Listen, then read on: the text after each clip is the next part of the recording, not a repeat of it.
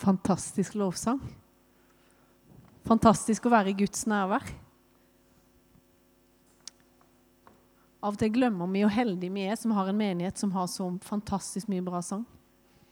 Takk, Anita, for det du spilte på slutten. Frihet, den sangen er helt fantastisk. Det er en sang som har ljoma hjemme i vårt hus den siste uka. Og da få lov å stå i Guds nærvær og oppleve den sangen rett før en skal på. Det var deilig, rett og slett. Tror jeg kjenner de fleste, eller vet hvem de fleste her inne er, men i hvert fall så heter jeg Kristine Laurak og jeg jobber til vanlig her som familiepastor. En jobb jeg er fantastisk glad for at jeg får lov å ha.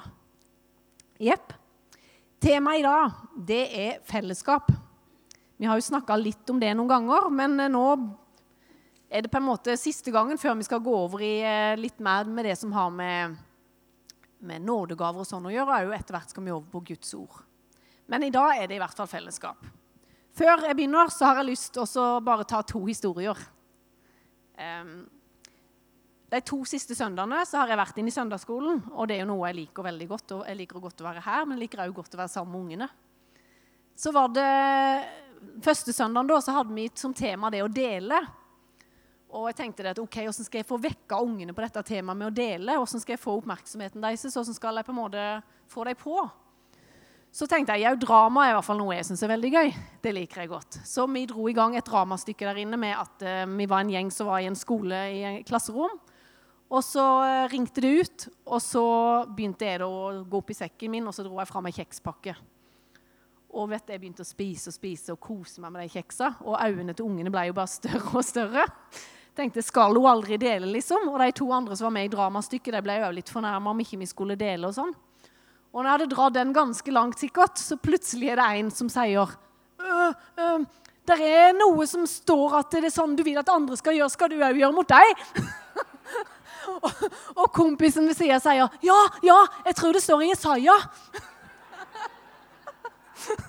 Fantastisk bra. Så det var, det var, noen engasjerte unger. Den var veldig god. Og så var det forrige søndag, da. Så eh, har vi jo alltid på søndagsskolen tatt min kollekt til et barnehjem i Ukraina. Og så tenkte jeg nå skal jeg utfordre, utfordre, deg litt her. Kanskje det er noen andre enn uh, bare vi voksne som skal be for kollekten. spurte jeg bare sånn, Er det noen av dere her inne i dag som kan tenke dere å be? Fantastisk, vet du. Der ungene er frimodige. Fire stykker var klare med en gang. Fire stykker kom fram og satte seg og ba høyt for kollekten. Ba for barna i Ukraina. Ba om at uh, vi skulle på en måte klare å dele med de som trengte kanskje til, til, nei, penger til mat og klær. Fantastisk. Ungene er frimodige. Det var bare to, to skjønne små historier som jeg måtte dele med dere. OK. Eh, tema fellesskap. Jeg vet ikke om din hjerne er kanskje ikke skrudd sammen sånn som min, men eh, er litt sånn der jeg må ha litt system. jeg må ha litt system inni her av og til. Så i dag er det sånn at talen den er delt opp i tre punkter for du som tenker likt som meg. Ikke alle som gjør det, men først er det punkt én. Det er det motsatte av fellesskap. Ok, Da skal jeg snakke litt om ensomhet. Nummer to er Guds tanke fra skapelsen av. Åssen var egentlig den? Og nummer tre er rett og slett et fellesskap rundt et bord. Da kjører vi på. Nummer én det motsatte av fellesskap. Det tenker jeg om å være ensomhet. Ensomhet det viser til på en måte noen som står alene. Noen som står for seg sjøl. Eh, hvis du spør folk så beskriver de fleste ensomhet som eh, en slags tomhet. Eller en ubeskrivelig lengsel etter noe. Eller noen, en, altså en opplevelse. De lengter etter et fellesskap som på en måte kan tilfredsstille deg. Det er et tomrom, det er et savn i livet. Um, det går jo faktisk an å være. Det er ikke sånn at det er nødvendigvis eh, sammenheng mellom å være alene og være ensom. For det går an å være ensom midt i en stor folkemengde, midt i et stort fellesskap, så tror jeg det går an å være ensom. Men det går òg an å ikke føle seg alene for det om du sitter alene en plass. En som heter James Jordan, han beskriver ensomhet som at ingen kjenner deg. Når du opplever at ingen i virkeligheten vet egentlig hva det vil si å være du. Sånn beskriver han ensomheten. Lurer du kanskje på mener du det at vi aldri har behov for å være alene. Nei, det mener jeg ikke. alle så har vi jo det iblant. Jeg bor på Laurak. Kanskje en grunn til at jeg av og til har behov for å være alene. Eh, men jeg tenker det er forskjell på å få den valgte ensomheten. Det er jo noe du kan gå inn og ut av. Den er du med å styre sjøl. Og kanskje så tenker vi det at ja, det er vel kanskje de eldre som er mest ensomme. Når noen opplever å bli alene, så er det kanskje de som er mest ensomme. Men faktisk så viser mange undersøkelser at de eldre klarer å takle det med ensomheten bedre enn det unge mennesker klarer. At de eldre er kanskje litt flinkere til å ta sosiale tap og gjøre det beste ut av det enn yngre aldersgrupper. Og kanskje eldre er en aldersgruppe der det er flere som er på en måte De vet at det er flere som er i samme situasjon enn det for de unge. Har du noen gang tenkt over at det med ensomhet og helse faktisk henger sammen? Ganske enkelt fordi at ensomhet kan virke inn på faktisk både den fysiske og psykiske helsa. En stor undersøkelse gjort i Sverige Kanskje du tenker at svensker ikke er helt pålitelige? Nei da.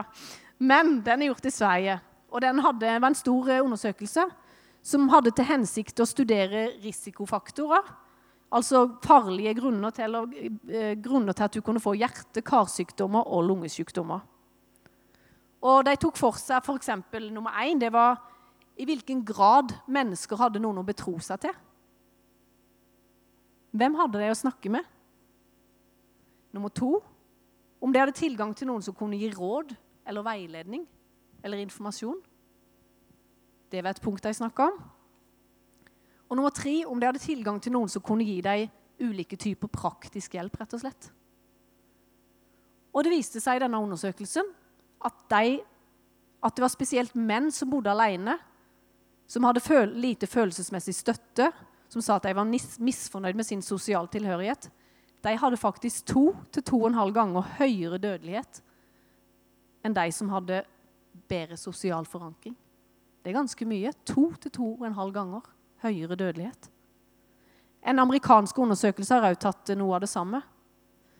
Og de undersøkelsene tenker jeg at de kan tyde på at det sosiale nettverkets betydning for utvikling av hjerte- og karsykdommer faktisk kan sidestilles med noen sier 15 røyk om dagen, noen sier eh, alkoholmisbruk, usunt kosthold, høyt blodtrykk og mangel på mosjon. Ensomhet kan være like skadelig. Det er ganske skremmende. Nå er det viktig at du som sitter her inne og hører det, at, uh, og kanskje sliter med noen av de tingene, så er det ikke sånn at å ja, han eller hun er ensom. Det er veldig viktig. At ikke en tenker i de båsene. ikke sant? Men jeg tenker det er viktig, det er en vekker for oss. Det er en vekker for oss hva ensomhet kan bety. Hvorfor i alle dager tenker du, er ingen lege og ingen forsker i alle dager, Kristine, hvorfor snakker du om dette på et møte? Vet du nå? Noen peker på at ensomheten er en av de største folkesykdommene i Norge. Og da tenker jeg kan vi som menighet, kan vi som kristne, være en motpol til dette? Hvis ensomhet er en, stor, en av våre største folkesykdommer, så tenker jeg da er det viktig for oss som menighet. Viktig for oss som menighet å vite noe om det. Viktig at vi tar, tar det på alvor. Vi ønsker å være en motpol. Vi ønsker å være relevante for at vi kan nå mennesker rundt oss. Og jeg tenker, og Det får meg til å tenke på kontrastene mellom ensomhet og fellesskap. Og et godt og inkluderende fellesskap faktisk kan bety. Og det kan bety inn i menneskers liv. Det var punkt nummer én. Får du med den hjernen? Nummer to Guds tanke fra skapelsen av. I det siste så har jeg sett mye for meg eh, helt tilbake i Mosebøkene. Se for deg Adam og Eva når Gud skapte mennesket. Han satt der i hagen der, og alt var godt. Det står i første Mosebok 1,27. Så skapte Gud mennesket i sitt bilde. I Guds bilde skapte han det. Til mann og kvinne skapte han dem, og så velsignet han dem. Altså den den eh, situasjonen de var i der sammen med Gud. De hadde et fantastisk fellesskap. Det var ingen frykt. Det var bare frihet. Det var ingen sykdom. Det var ingen bekymring. De hadde nok av alt de trengte. Det var ingen mangler. Fantastisk. Tenk hvordan det må ha vært for Adam og Eva. Det var alt. Gud hadde skapt alt, og det var godt. Han hadde lagt alt sammen til rette for deg. Vi ble skapt i en unik posisjon. Vi ble skapt med en hensikt at vi skulle ha et fellesskap med Gud. Vi ble skapt med utgangspunkt at vi skulle ha et forhold til Gud og leve etter hans hensikt. Det var utgangspunktet. Det var hans plan fra starten av. Hans plan var det perfekte, det gode. Det er hans utgangspunkt. Edens hage viste oss den livsstilen og de omstendighetene som Gud vil at du skal leve under. Åndelig sett så er Guds vilje at vi skal ha fellesskap med Han, at vi skal ha fred, ro, tro, håp, kjærlighet, kreativitet, overflodsliv. Det er Guds tanke fra begynnelsen. Det er hans tanke med skapelsen. Og fysisk så er Guds vilje at vi skal ha energi, styrke og god helse. Det var ingen sykdom i Edens hage, det var ingen død der. Sånn er det Gud har tenkt det fra begynnelsen. Vår verden gjenspeiler gjenspeiler ikke den orden for det rike som han hadde tenkt at menneskene skulle nyte på jorda. Det er ikke det bildet vi ser i dag. Edens hage var Guds utgangspunkt for ditt og mitt liv. Så vet vi jo alle at det fellesskapet, det ble brutt. Og det ble ødelagt pga. menneskene valgte å gå sin egen vei. Vi er jo ikke roboter. Gud har gitt oss en fri vilje. Menneskene valgte å gå sin egen vei. De valgte sjøl å ta styringa. De valgte å sette et spørsmålstegn med Guds ord. Er det virkelig sant? Er det virkelig sant, det som Gud har sagt? Adam og Eva lot slangen komme og forstyrre dem i deres fellesskap og enheten sammen med Gud. kan du lese om i Mosebøkene, første Mosebok, kapittel 3. Og fordi Gud er rettferdig, så kan han jo ikke ha fellesskap med synd. Og det kan han fremdeles ikke. Vi kan lese videre i Mosebøkene at mennesken ble skilt fra Gud pga. sin synd. Og deretter så fulgte det grusomme ødeleggelser av synden. Og det er ødeleggelser som ødelegger menneskers liv den dag i dag. Det åpne og det fortrolige tillitsforholdet mellom Gud og menneskene det ble ødelagt den dagen. Og jeg tenker litt sånn, Evigheten, Det står i Bibelen at evigheten den er lagt ned i alle menneskers hjerte. Vi snakka litt om det om, på, på konfirmantundervisninga om, eh, om, fredag. At når, siden det står i Bibelen, og vi tror på det at Gud har lagt ned en evighet i alle menneskers hjerte, så er det noen når mennesker på en måte ikke får det fellesskapet med Gud, så søker en det alle andre veier. For evigheten er jo lagt ned. Det er lagt ned i hjertet vårt at vi skal ha fellesskap med Gud. Og Da søker mennesker det alle veier. Mange søker eh, nyreligion. Det er en lengsel i hjertet som en prøver å få tilfredsstilt. Prøver å få fylt med alle mulige ting. Noen mennesker går helt opp i jobben sin. Jobbe, jobbe, jobbe, for da kan jeg på en måte, å, på en måte få lagt bukt på det tomrommet som er i meg. Noen søker inn i avhengighet, i rus. For det, det tomrommet det må jeg på en måte få, få gjort noe med. Der er et tomrom i livet som det er meint at Gud skal komme og fylle. For vi er kalt til fellesskap med Han. Det er det han har kalt oss til. Det er det som er utgangspunktet.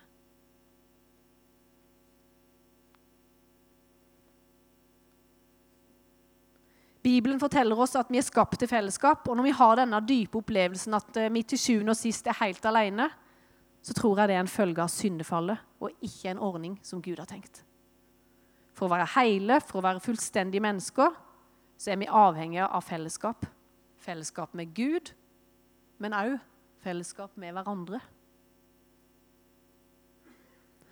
Og Noe av det største tenker jeg, som frelsen innebærer for oss, det er jo nettopp det at gjennom Jesus så har Gud kalt oss tilbake til det fellesskapet. Det som var utgangspunktet hans. Der kom et skille mellom menneskene og Gud når menneskene begynte å gå sin egen vei. Så vi trenger alle å komme hjem igjen til Gud, og den veien, den heter Jesus. Vi er kalt hjem igjen til det fellesskapet. Fantastisk. Jesus han har åpna veien. Han har åpna veien, så han igjen kan kalle oss hjem. Han åpna døra til sin ubegrensa nåde gjennom sin død på korset. Veien tilbake til Gud går gjennom Jesus. I 2. Korinterne 6,18 så står det Og jeg vil være far for dere, og dere skal være mine sønner og døtre. Du er invitert inn i Guds fellesskap. Og i dette fellesskapet så kan du få dele ditt hjerte med Gud. Alt du tenker på, alt du bærer på, alt du lever med. Der er Gud. Midt i din hverdag. Der er Gud, og han vil at du skal komme til han. Så vil han òg dele sitt hjerte med du. Vi kan få lov å dele vårt hjerte, og så vil han dele sitt hjerte med oss. Jeg tror at Gud lengter etter å dele sitt hjerte med oss. Jeg tror han lengter. Alltid så lengter han etter å være sammen med oss fordi han er så uendelig glad i oss. Jeg tror ofte han tenker 'Å, kom til meg med det'. Kom til meg med det. Han har aldri meint at vi skal gå rundt og bære på ting alene. Han ønsker å være der. Han ønsker å dele sitt hjerte med oss, men vi må våge å gå inn. Tør vi å gå inn til han? Hvis vi våger, så tror jeg Gud vil vise oss mer av seg sjøl. Seg selv. Seg sjøl. Vanskelig når det står på bokmålet, så snakker du frolandsk. Vise mer av seg sjøl og det utgangspunktet han hadde tenkt fra skapelsen av. Det tror jeg at han har lyst til å vise oss. Og vet du noe? For meg så sier det noe viktig om hva kristenlivet er meint å være. Kristenlivet er aldri meint å være sånn at OK, i dag tok jeg imot Jesus, og så står Gud der og sier ja, så bra, så bra, nå har jeg kalt deg hjem til fellesskapet med, så nå vil jeg stå her så vil jeg på en måte se hvordan du lever dette livet. Og en dag når du kommer hjem til himmelen, så skal jeg evaluere alt hvordan du har gjort det. Da blir hele vårt liv og Gud forventer og krever av oss. Da kan det bli slitsomt. Tvert imot så tror jeg at kristenlivet det handler om å gå inn i en relasjon med Gud med den du er, og gi ditt liv til han, ønske å være sammen med han. Og så vil det livet over tid få lov å vokse og utvikle seg. Jo mer jeg er sammen med Gud, jo mer kan jeg lære av han, jo mer kan han ha del av sitt hjerte til meg, jo mer kan jeg få oppleve hvem han er, og hvilket liv han har for meg. Det er to helt forskjellige ting. Og når en dag, når jeg da kommer hjem til himmelen, når jeg da skal stå der på, måte på målstreken, så er det ikke først og fremst for å få en evaluering hvordan jeg har levd livet. Men da kommer jeg hjem til det perfekte fellesskapet. Da skal jeg virkelig få se hvem Gud er. Da skal jeg få være sammen med Han i evighet. Tenk så fantastisk. Og det er et forskjell på et liv der vi forventer og kreves, hvis vi ser på Gud som en som forventer og krever oss, eller en jeg kan få lov å gå veien sammen med som kan få lov å prege meg, så jeg kan være i en relasjon med, så jeg kan få lov å bli forandra over tid sammen med han. Og en dag skal jeg få se han som han er.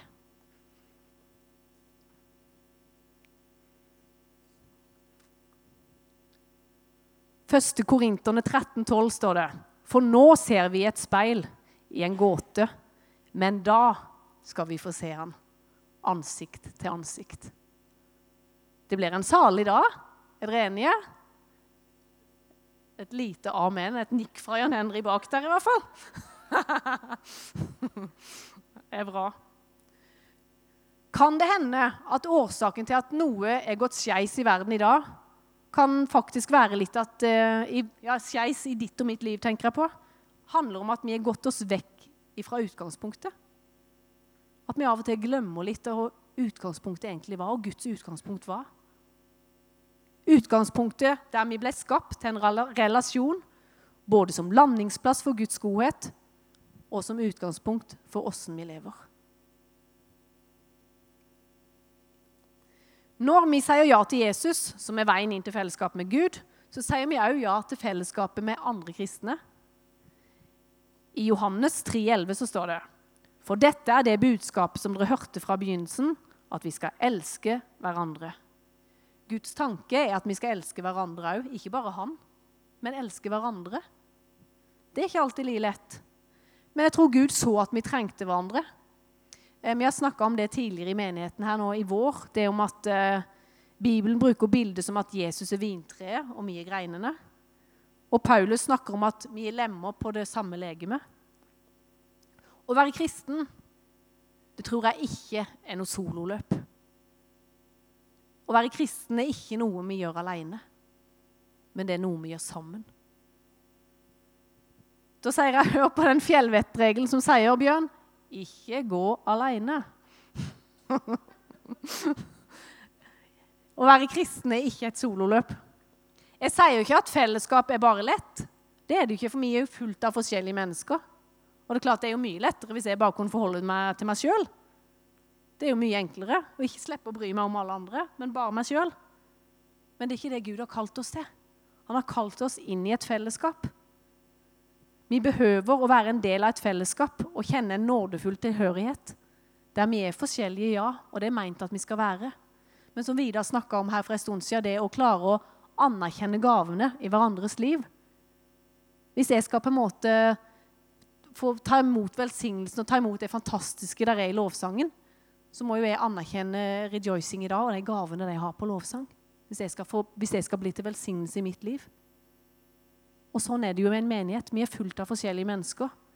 Vi må anerkjenne hverandre selv om det er forskjeller. Og det, Jeg sier ikke at det er lett, men jeg tror det er sånn Gud har tenkt at det skulle være. Vi trenger et fellesskap, for det er vondt å kjenne seg ensom i sin livsreise. Og en, Et godt reisefølge det kommer som oftest av valg som man har tatt i løpet av livet. Gode venner skyldes sjelden bare flaks. Og på samme måte så er Gud som et reisefølge det òg et valg. Vi velger å tro. Vi velger å tilhøre Kristi kropp. Jeg har lyst til å lese en historie om eh, en som forteller hva et fellesskap har betydd for ham. Lasse er en typisk nordmann. Han har en viss idé om kristen tro, men han har ingen personlig interesse for livssyn. På arbeidsplassen sin så blir han kjent med en kollega, og etter hvert utvikler det seg et vennskap. Kåre på sin side er en del av en lokal kristen menighet og deltar på gudstjeneste hver søndag og i smågrupper på onsdagene. Når de mandag morgen forteller hverandre om hva som har skjedd i helga, er alles historie om helgas begivenheter like mye verdt. Kåre forteller om hva som skjedde i menigheten, og kollegaene skjønner at dette er et mønster i hans liv. Det må være viktig for han. Etter ei tid inviterer Kåre med seg Lasse til gudstjeneste. Det Lasse sitter igjen med som hovedinntrykk, er hvordan Bibelen ble forkynt med inspirasjon, overbevisning og relevans. Han forsto faktisk hva taleren snakka om. Og det gjorde tydeligvis de andre i salen òg, for de nikka samtykkende når det kom noen gode poeng. Gjør sånn. Nei da. Lasses erfaring var god, så Kåre inviterte ham med på smågruppe kort tid etter. De ankommer smågruppen sammen, og etter hvert er stua fylt med ti menn på samme alder. Lasse kjenner noen av ansiktene fra tidligere og hilser på noen andre. Kåre har forberedt Lasse på hva som skal skje. Mens smågruppesamlingen utspiller seg i rommet, kjenner Lasse, måte, kjenner Lasse seg på en underlig måte inkludert i det som skjer. Det blir en positiv erfaring for han. Han vil gjerne komme tilbake ved en senere anledning. Både gudstjenesten og smågruppa var positive erfaringer for Lasse. Så, når menigheten skal arrangere Barnas dag på et lokalt asylmottak, da inviterer Kåre med seg Lasse igjen. En lørdag morgen finner de seg side om side på en fotballbane hvor de arrangerer fotballcup. Og når menighetens barneleder holder en kort andakt, da skjønner Lasse hva han har vært med på. Han har gått menighetens ærend og representert Jesus blant disse barna på asylmottaket. Og han så at det hadde en effekt. Han var med på oppdraget til menigheten uten at han var en del av menigheten. Neste gang smågruppa kommer sammen, er Lasse på plass igjen. Denne gangen merker han at troen har vokst litt siden sist. Så, når det er på tide å be for og med hverandre, drister han seg til å nevne en sak han gjerne vil at Gud skal løse. Han ber ikke sjøl, men det gjør resten av mennene. Han syns det er fint, og saken løser seg faktisk kort tid etter. Det heter visst bønnesvar.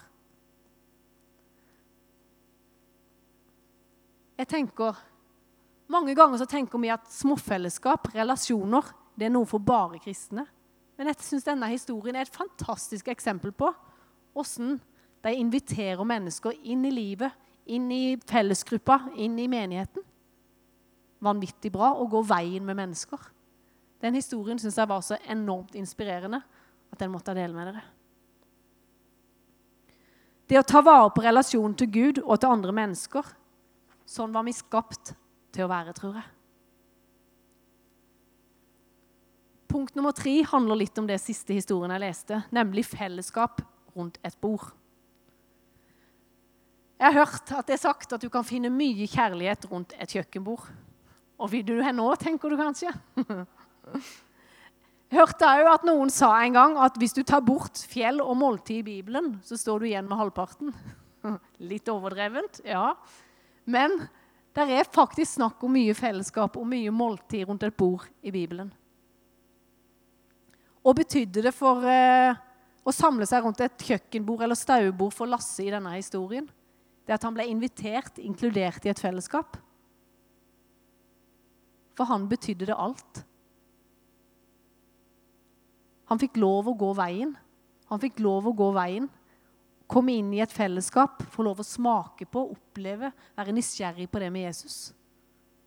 Så fikk han lov å gå veien sammen med noen. Jeg tror tilhørighet er viktig. Å følge Jesus er som sagt ikke noe en gjør alene, men noe vi gjør i sammen.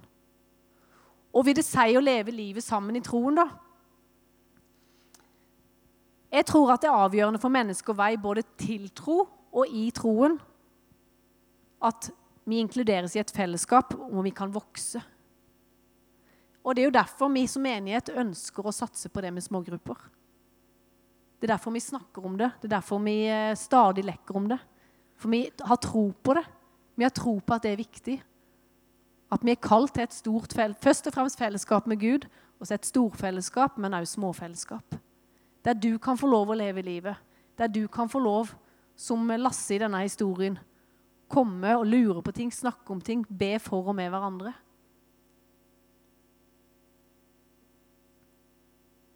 Derfor har vi òg bl.a. hengt opp liste ute i gangen. Hvis du er her og på en måte ikke har noen smågruppe, så ønsker vi at du skal skrive deg opp der ute, så vi kan hjelpe deg inn i en gruppe. Vi ønsker å være en menighet, menighet som kan hjelpe hverandre, hjelpe mennesker inn i et småfellesskap. Gina Gjerme, for dere som har hørt om henne, gift med pastor i Salt Bergenskirka, hun sier det. Smågrupper er et sted hvor vi er tett på livet, og hvor vi sammen lærer og inspirerer hverandre til å være tett på Gud. Tett på livet, din hverdag, men også tett på Gud. Menigheten kan være en motpol til det som verden roper om, det om ensomhet. Det å stå alene med ting, det å føle seg ensom, føle seg alene. Ingen god opplevelse. Vi som enighet, vi som fellesskap, kan være med og gjøre noe med det. Vi kan være der for noen. Av og til kan det virke som vi prøver å overbevise oss sjøl om og andre at vi klarer oss helt fint på egen hånd. Dette klarer jeg fint sjøl. Null stress. Det går fint. Det kan faktisk hende at vår selvstendighet, det der at 'jeg klarer meg sjøl', kan det være en redsel for avvisning. Noen mennesker har gått gjennom livet og opplevd ting som er vonde, som gjør at det er vanskelig å knytte seg til et småfellesskap. Vanskelig å åpne opp, vanskelig å slippe noen tett inn på livet. Da kan det med småfellesskap virke truende. Vanskelig, selvfølgelig. Redde for å bli avvist igjen. Sånn sett er det ikke rart at en forsøker å verne seg sjøl for nære relasjoner, og det er lettere å stå på egne bein. Problemet er at vi er skapt for å leve i fellesskap, og da går en glipp av så mye hvis en går rundt med sånn et usynlig skilt som sier 'ikke kom for nærme'. Du kan gå glipp av så mye. Velsignelser som andre mennesker har i sine liv, som de kan gi til du. Vi hadde en flott eh, gruppeledersamling her eh, om tirsdag der vi snakka om eh, smågruppene, og vi ønsker at smågruppene våre i menigheten skal være. Vi ønsker at de skal være, inneholde tre punkter som handler om at vi ønsker at de skal være helbredende, disippelgjørende og misjonerende. Tenk så fantastisk å være i ei gruppe der en opplever at uh, trygghet og vennskap Opplever at her er det trygt, her er det godt å komme. Det tror jeg gir vekst. Det gir vekst i mitt liv. Når jeg kan komme i min gruppe og kjenne at her er det trygt. Her er det bare mennesker som vil meg det beste. Her kan jeg være sammen med noen som det er godt. Det er trygt å være her. Guds ord står høyt, og en kan oppleve og erfare at ting blir relevant i livet våre. En opplever fellesskap der en kan være hele mennesker som bryr oss om hverandre. I dag for eksempel, så må jeg jo si at eh, formiddagen min eh, og liksom dagen før en kommer her til kirka, da kjenner en at en lever. For da eh, er det mange tanker i hodet, og ja, hjertet slår både i takt og utakt. Men fantastisk da å kunne ta mobilen og så sender jeg melding til, til gruppa mi. Så kan jeg spørre kan dere være så snill å be for meg. da? Jeg kjenner at uh, det koster litt. Kan dere være med og be for meg? Fantastisk å få liksom en gjeng som har klart vi vil be. Vi ber for deg. Og få tilbakemeldinger. og vet at det er noen som står sammen med meg. Før vet dere, i sånn der trossamfunn så var det sånn at på en måte hvis lederen viste seg svak, det var et dårlig tegn. Jeg har null tro på det. Ja, det mener jeg. Null tro på det. Jeg tenker å leve livet ærlig. Det koster meg å stå her og tale, men jeg elsker det. Men jeg trenger Jesus, og jeg trenger mennesker i min nærhet, i min relasjon, som kan være med. Være med og be for meg når jeg trenger det. Fantastisk å ha ei gruppe der jeg vet at det bare er en melding unna hvis det er ting i mitt liv. så vet jeg det er mennesker som vil be for meg. Og akkurat idet jeg satt og trykte, så tikka det inn en fantastisk melding fra Anne Grete òg, at uh, hun heia på meg da. Ja, fantastisk. Ja. Det er deilig å oppleve sånn. Smågruppen og fellesskapet ønsker vi skal være disippelgjørende. Eh, det å be for og med hverandre i ei lita gruppe Kanskje hvis du aldri har bedt før, så er det kanskje ikke akkurat eh, så veldig lett å begynne å gjøre det her på søndagsmøtet. Men det å kunne begynne i ei lita gruppe Gavene, Vi ønsker jo veldig at gaver skal oppdages og utvikles. Det å prøve det i små settinger først. Prøve det i ei gruppe der du vet at eh, det er trygt Kanskje vitne, forteller om noe godt du har opplevd med Jesus. Det er jo mye lettere å gjøre det i en lita gruppe enn å stå her første gangen. Disippelgjørende ønsker vi at grupper skal være. Og òg misjonerende. Du har helt sikkert mennesker i din eh, nærhet og i din familie eller din vennekrets som ennå ikke har tatt imot Jesus. Og da sammen kunne be for deg. Og òg være en gruppe som sammen er med og viser godhet i hverdagen, f.eks. Og er misjonerende på den måten. En som heter Tim Chester, han skriver dette. Denne, denne setningen er god, så nå må du følge godt med. Er du klar? Dette er hva Kirken skal være. Et fellesskap av brutte mennesker som finner sin familie rundt et måltid under korset. Var ikke den bra? kunne ha sagt at jeg hadde skrevet den sjøl, men Nei, den syns jeg var veldig bra. Veldig bra. På grunn av Jesus så kan vi samles. Ok, Da er jeg faktisk gjennom alle tre punktene. En kort oppsummering. Det viktigste vi kan gjøre i våre liv, det er å ta imot Jesus. For å komme tilbake til det fellesskapet som Gud har kalt oss til. Dersom du ikke er her i kveld, Nei, dersom du er her i kveld og ikke har gjort det, mente jeg, så er det punkt nummer én. Det er det viktigste. Og det jeg anbefaler deg mest av alt i livet. Det er å invitere Jesus inn i livet ditt. Så du kan komme hjem igjen til det fellesskapet. Det utgangspunktet som Gud hadde tenkt for deg. Han kan fylle det tomrommet. Og kanskje du er i kveld og syns det med småfellesskap er skummelt. Det å la mennesker komme nær inn i livet ditt. Kanskje det er en ny utfordring du må ta. Og tore Tore igjen å stole på mennesker. Tore å la noen slippe inn i livet ditt. La frykten slippe taket. Ingen menighet og ingen mennesker er perfekte. Men jeg tror at mennesker har noe å gi deg, og du har noe å gi til andre mennesker. Da skal vi straks gå over i nattverden. Eh, der er fire stykker som skal være med å dele ut. Kanskje dere òg kan komme opp.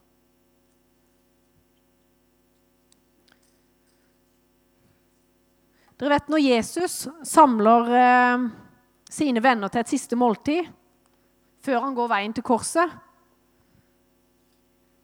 så gir han deg også et sted hvor vi med spise og drikke kan få ta imot hans nåde, hans kjærlighet og hans liv.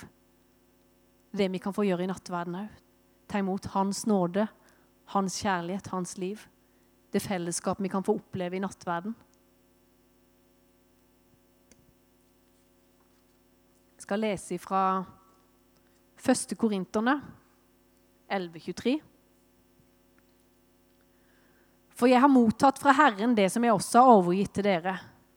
At Herren Jesus, den natt da han ble forrådt, tok et brød, takket, brødet og sa:" Dette er mitt legeme, som er for dere. Gjør dette til minne om meg. Likeså tok han også kalken etter aftenmåltidet og sa:" Denne kalk er den nye pakt i mitt blod. Gjør dette så ofte som dere drikker den, til minne om meg. For så ofte som dere eter dette brød og drikker denne kalk, forkynner dere Herrens død inntil Han kommer.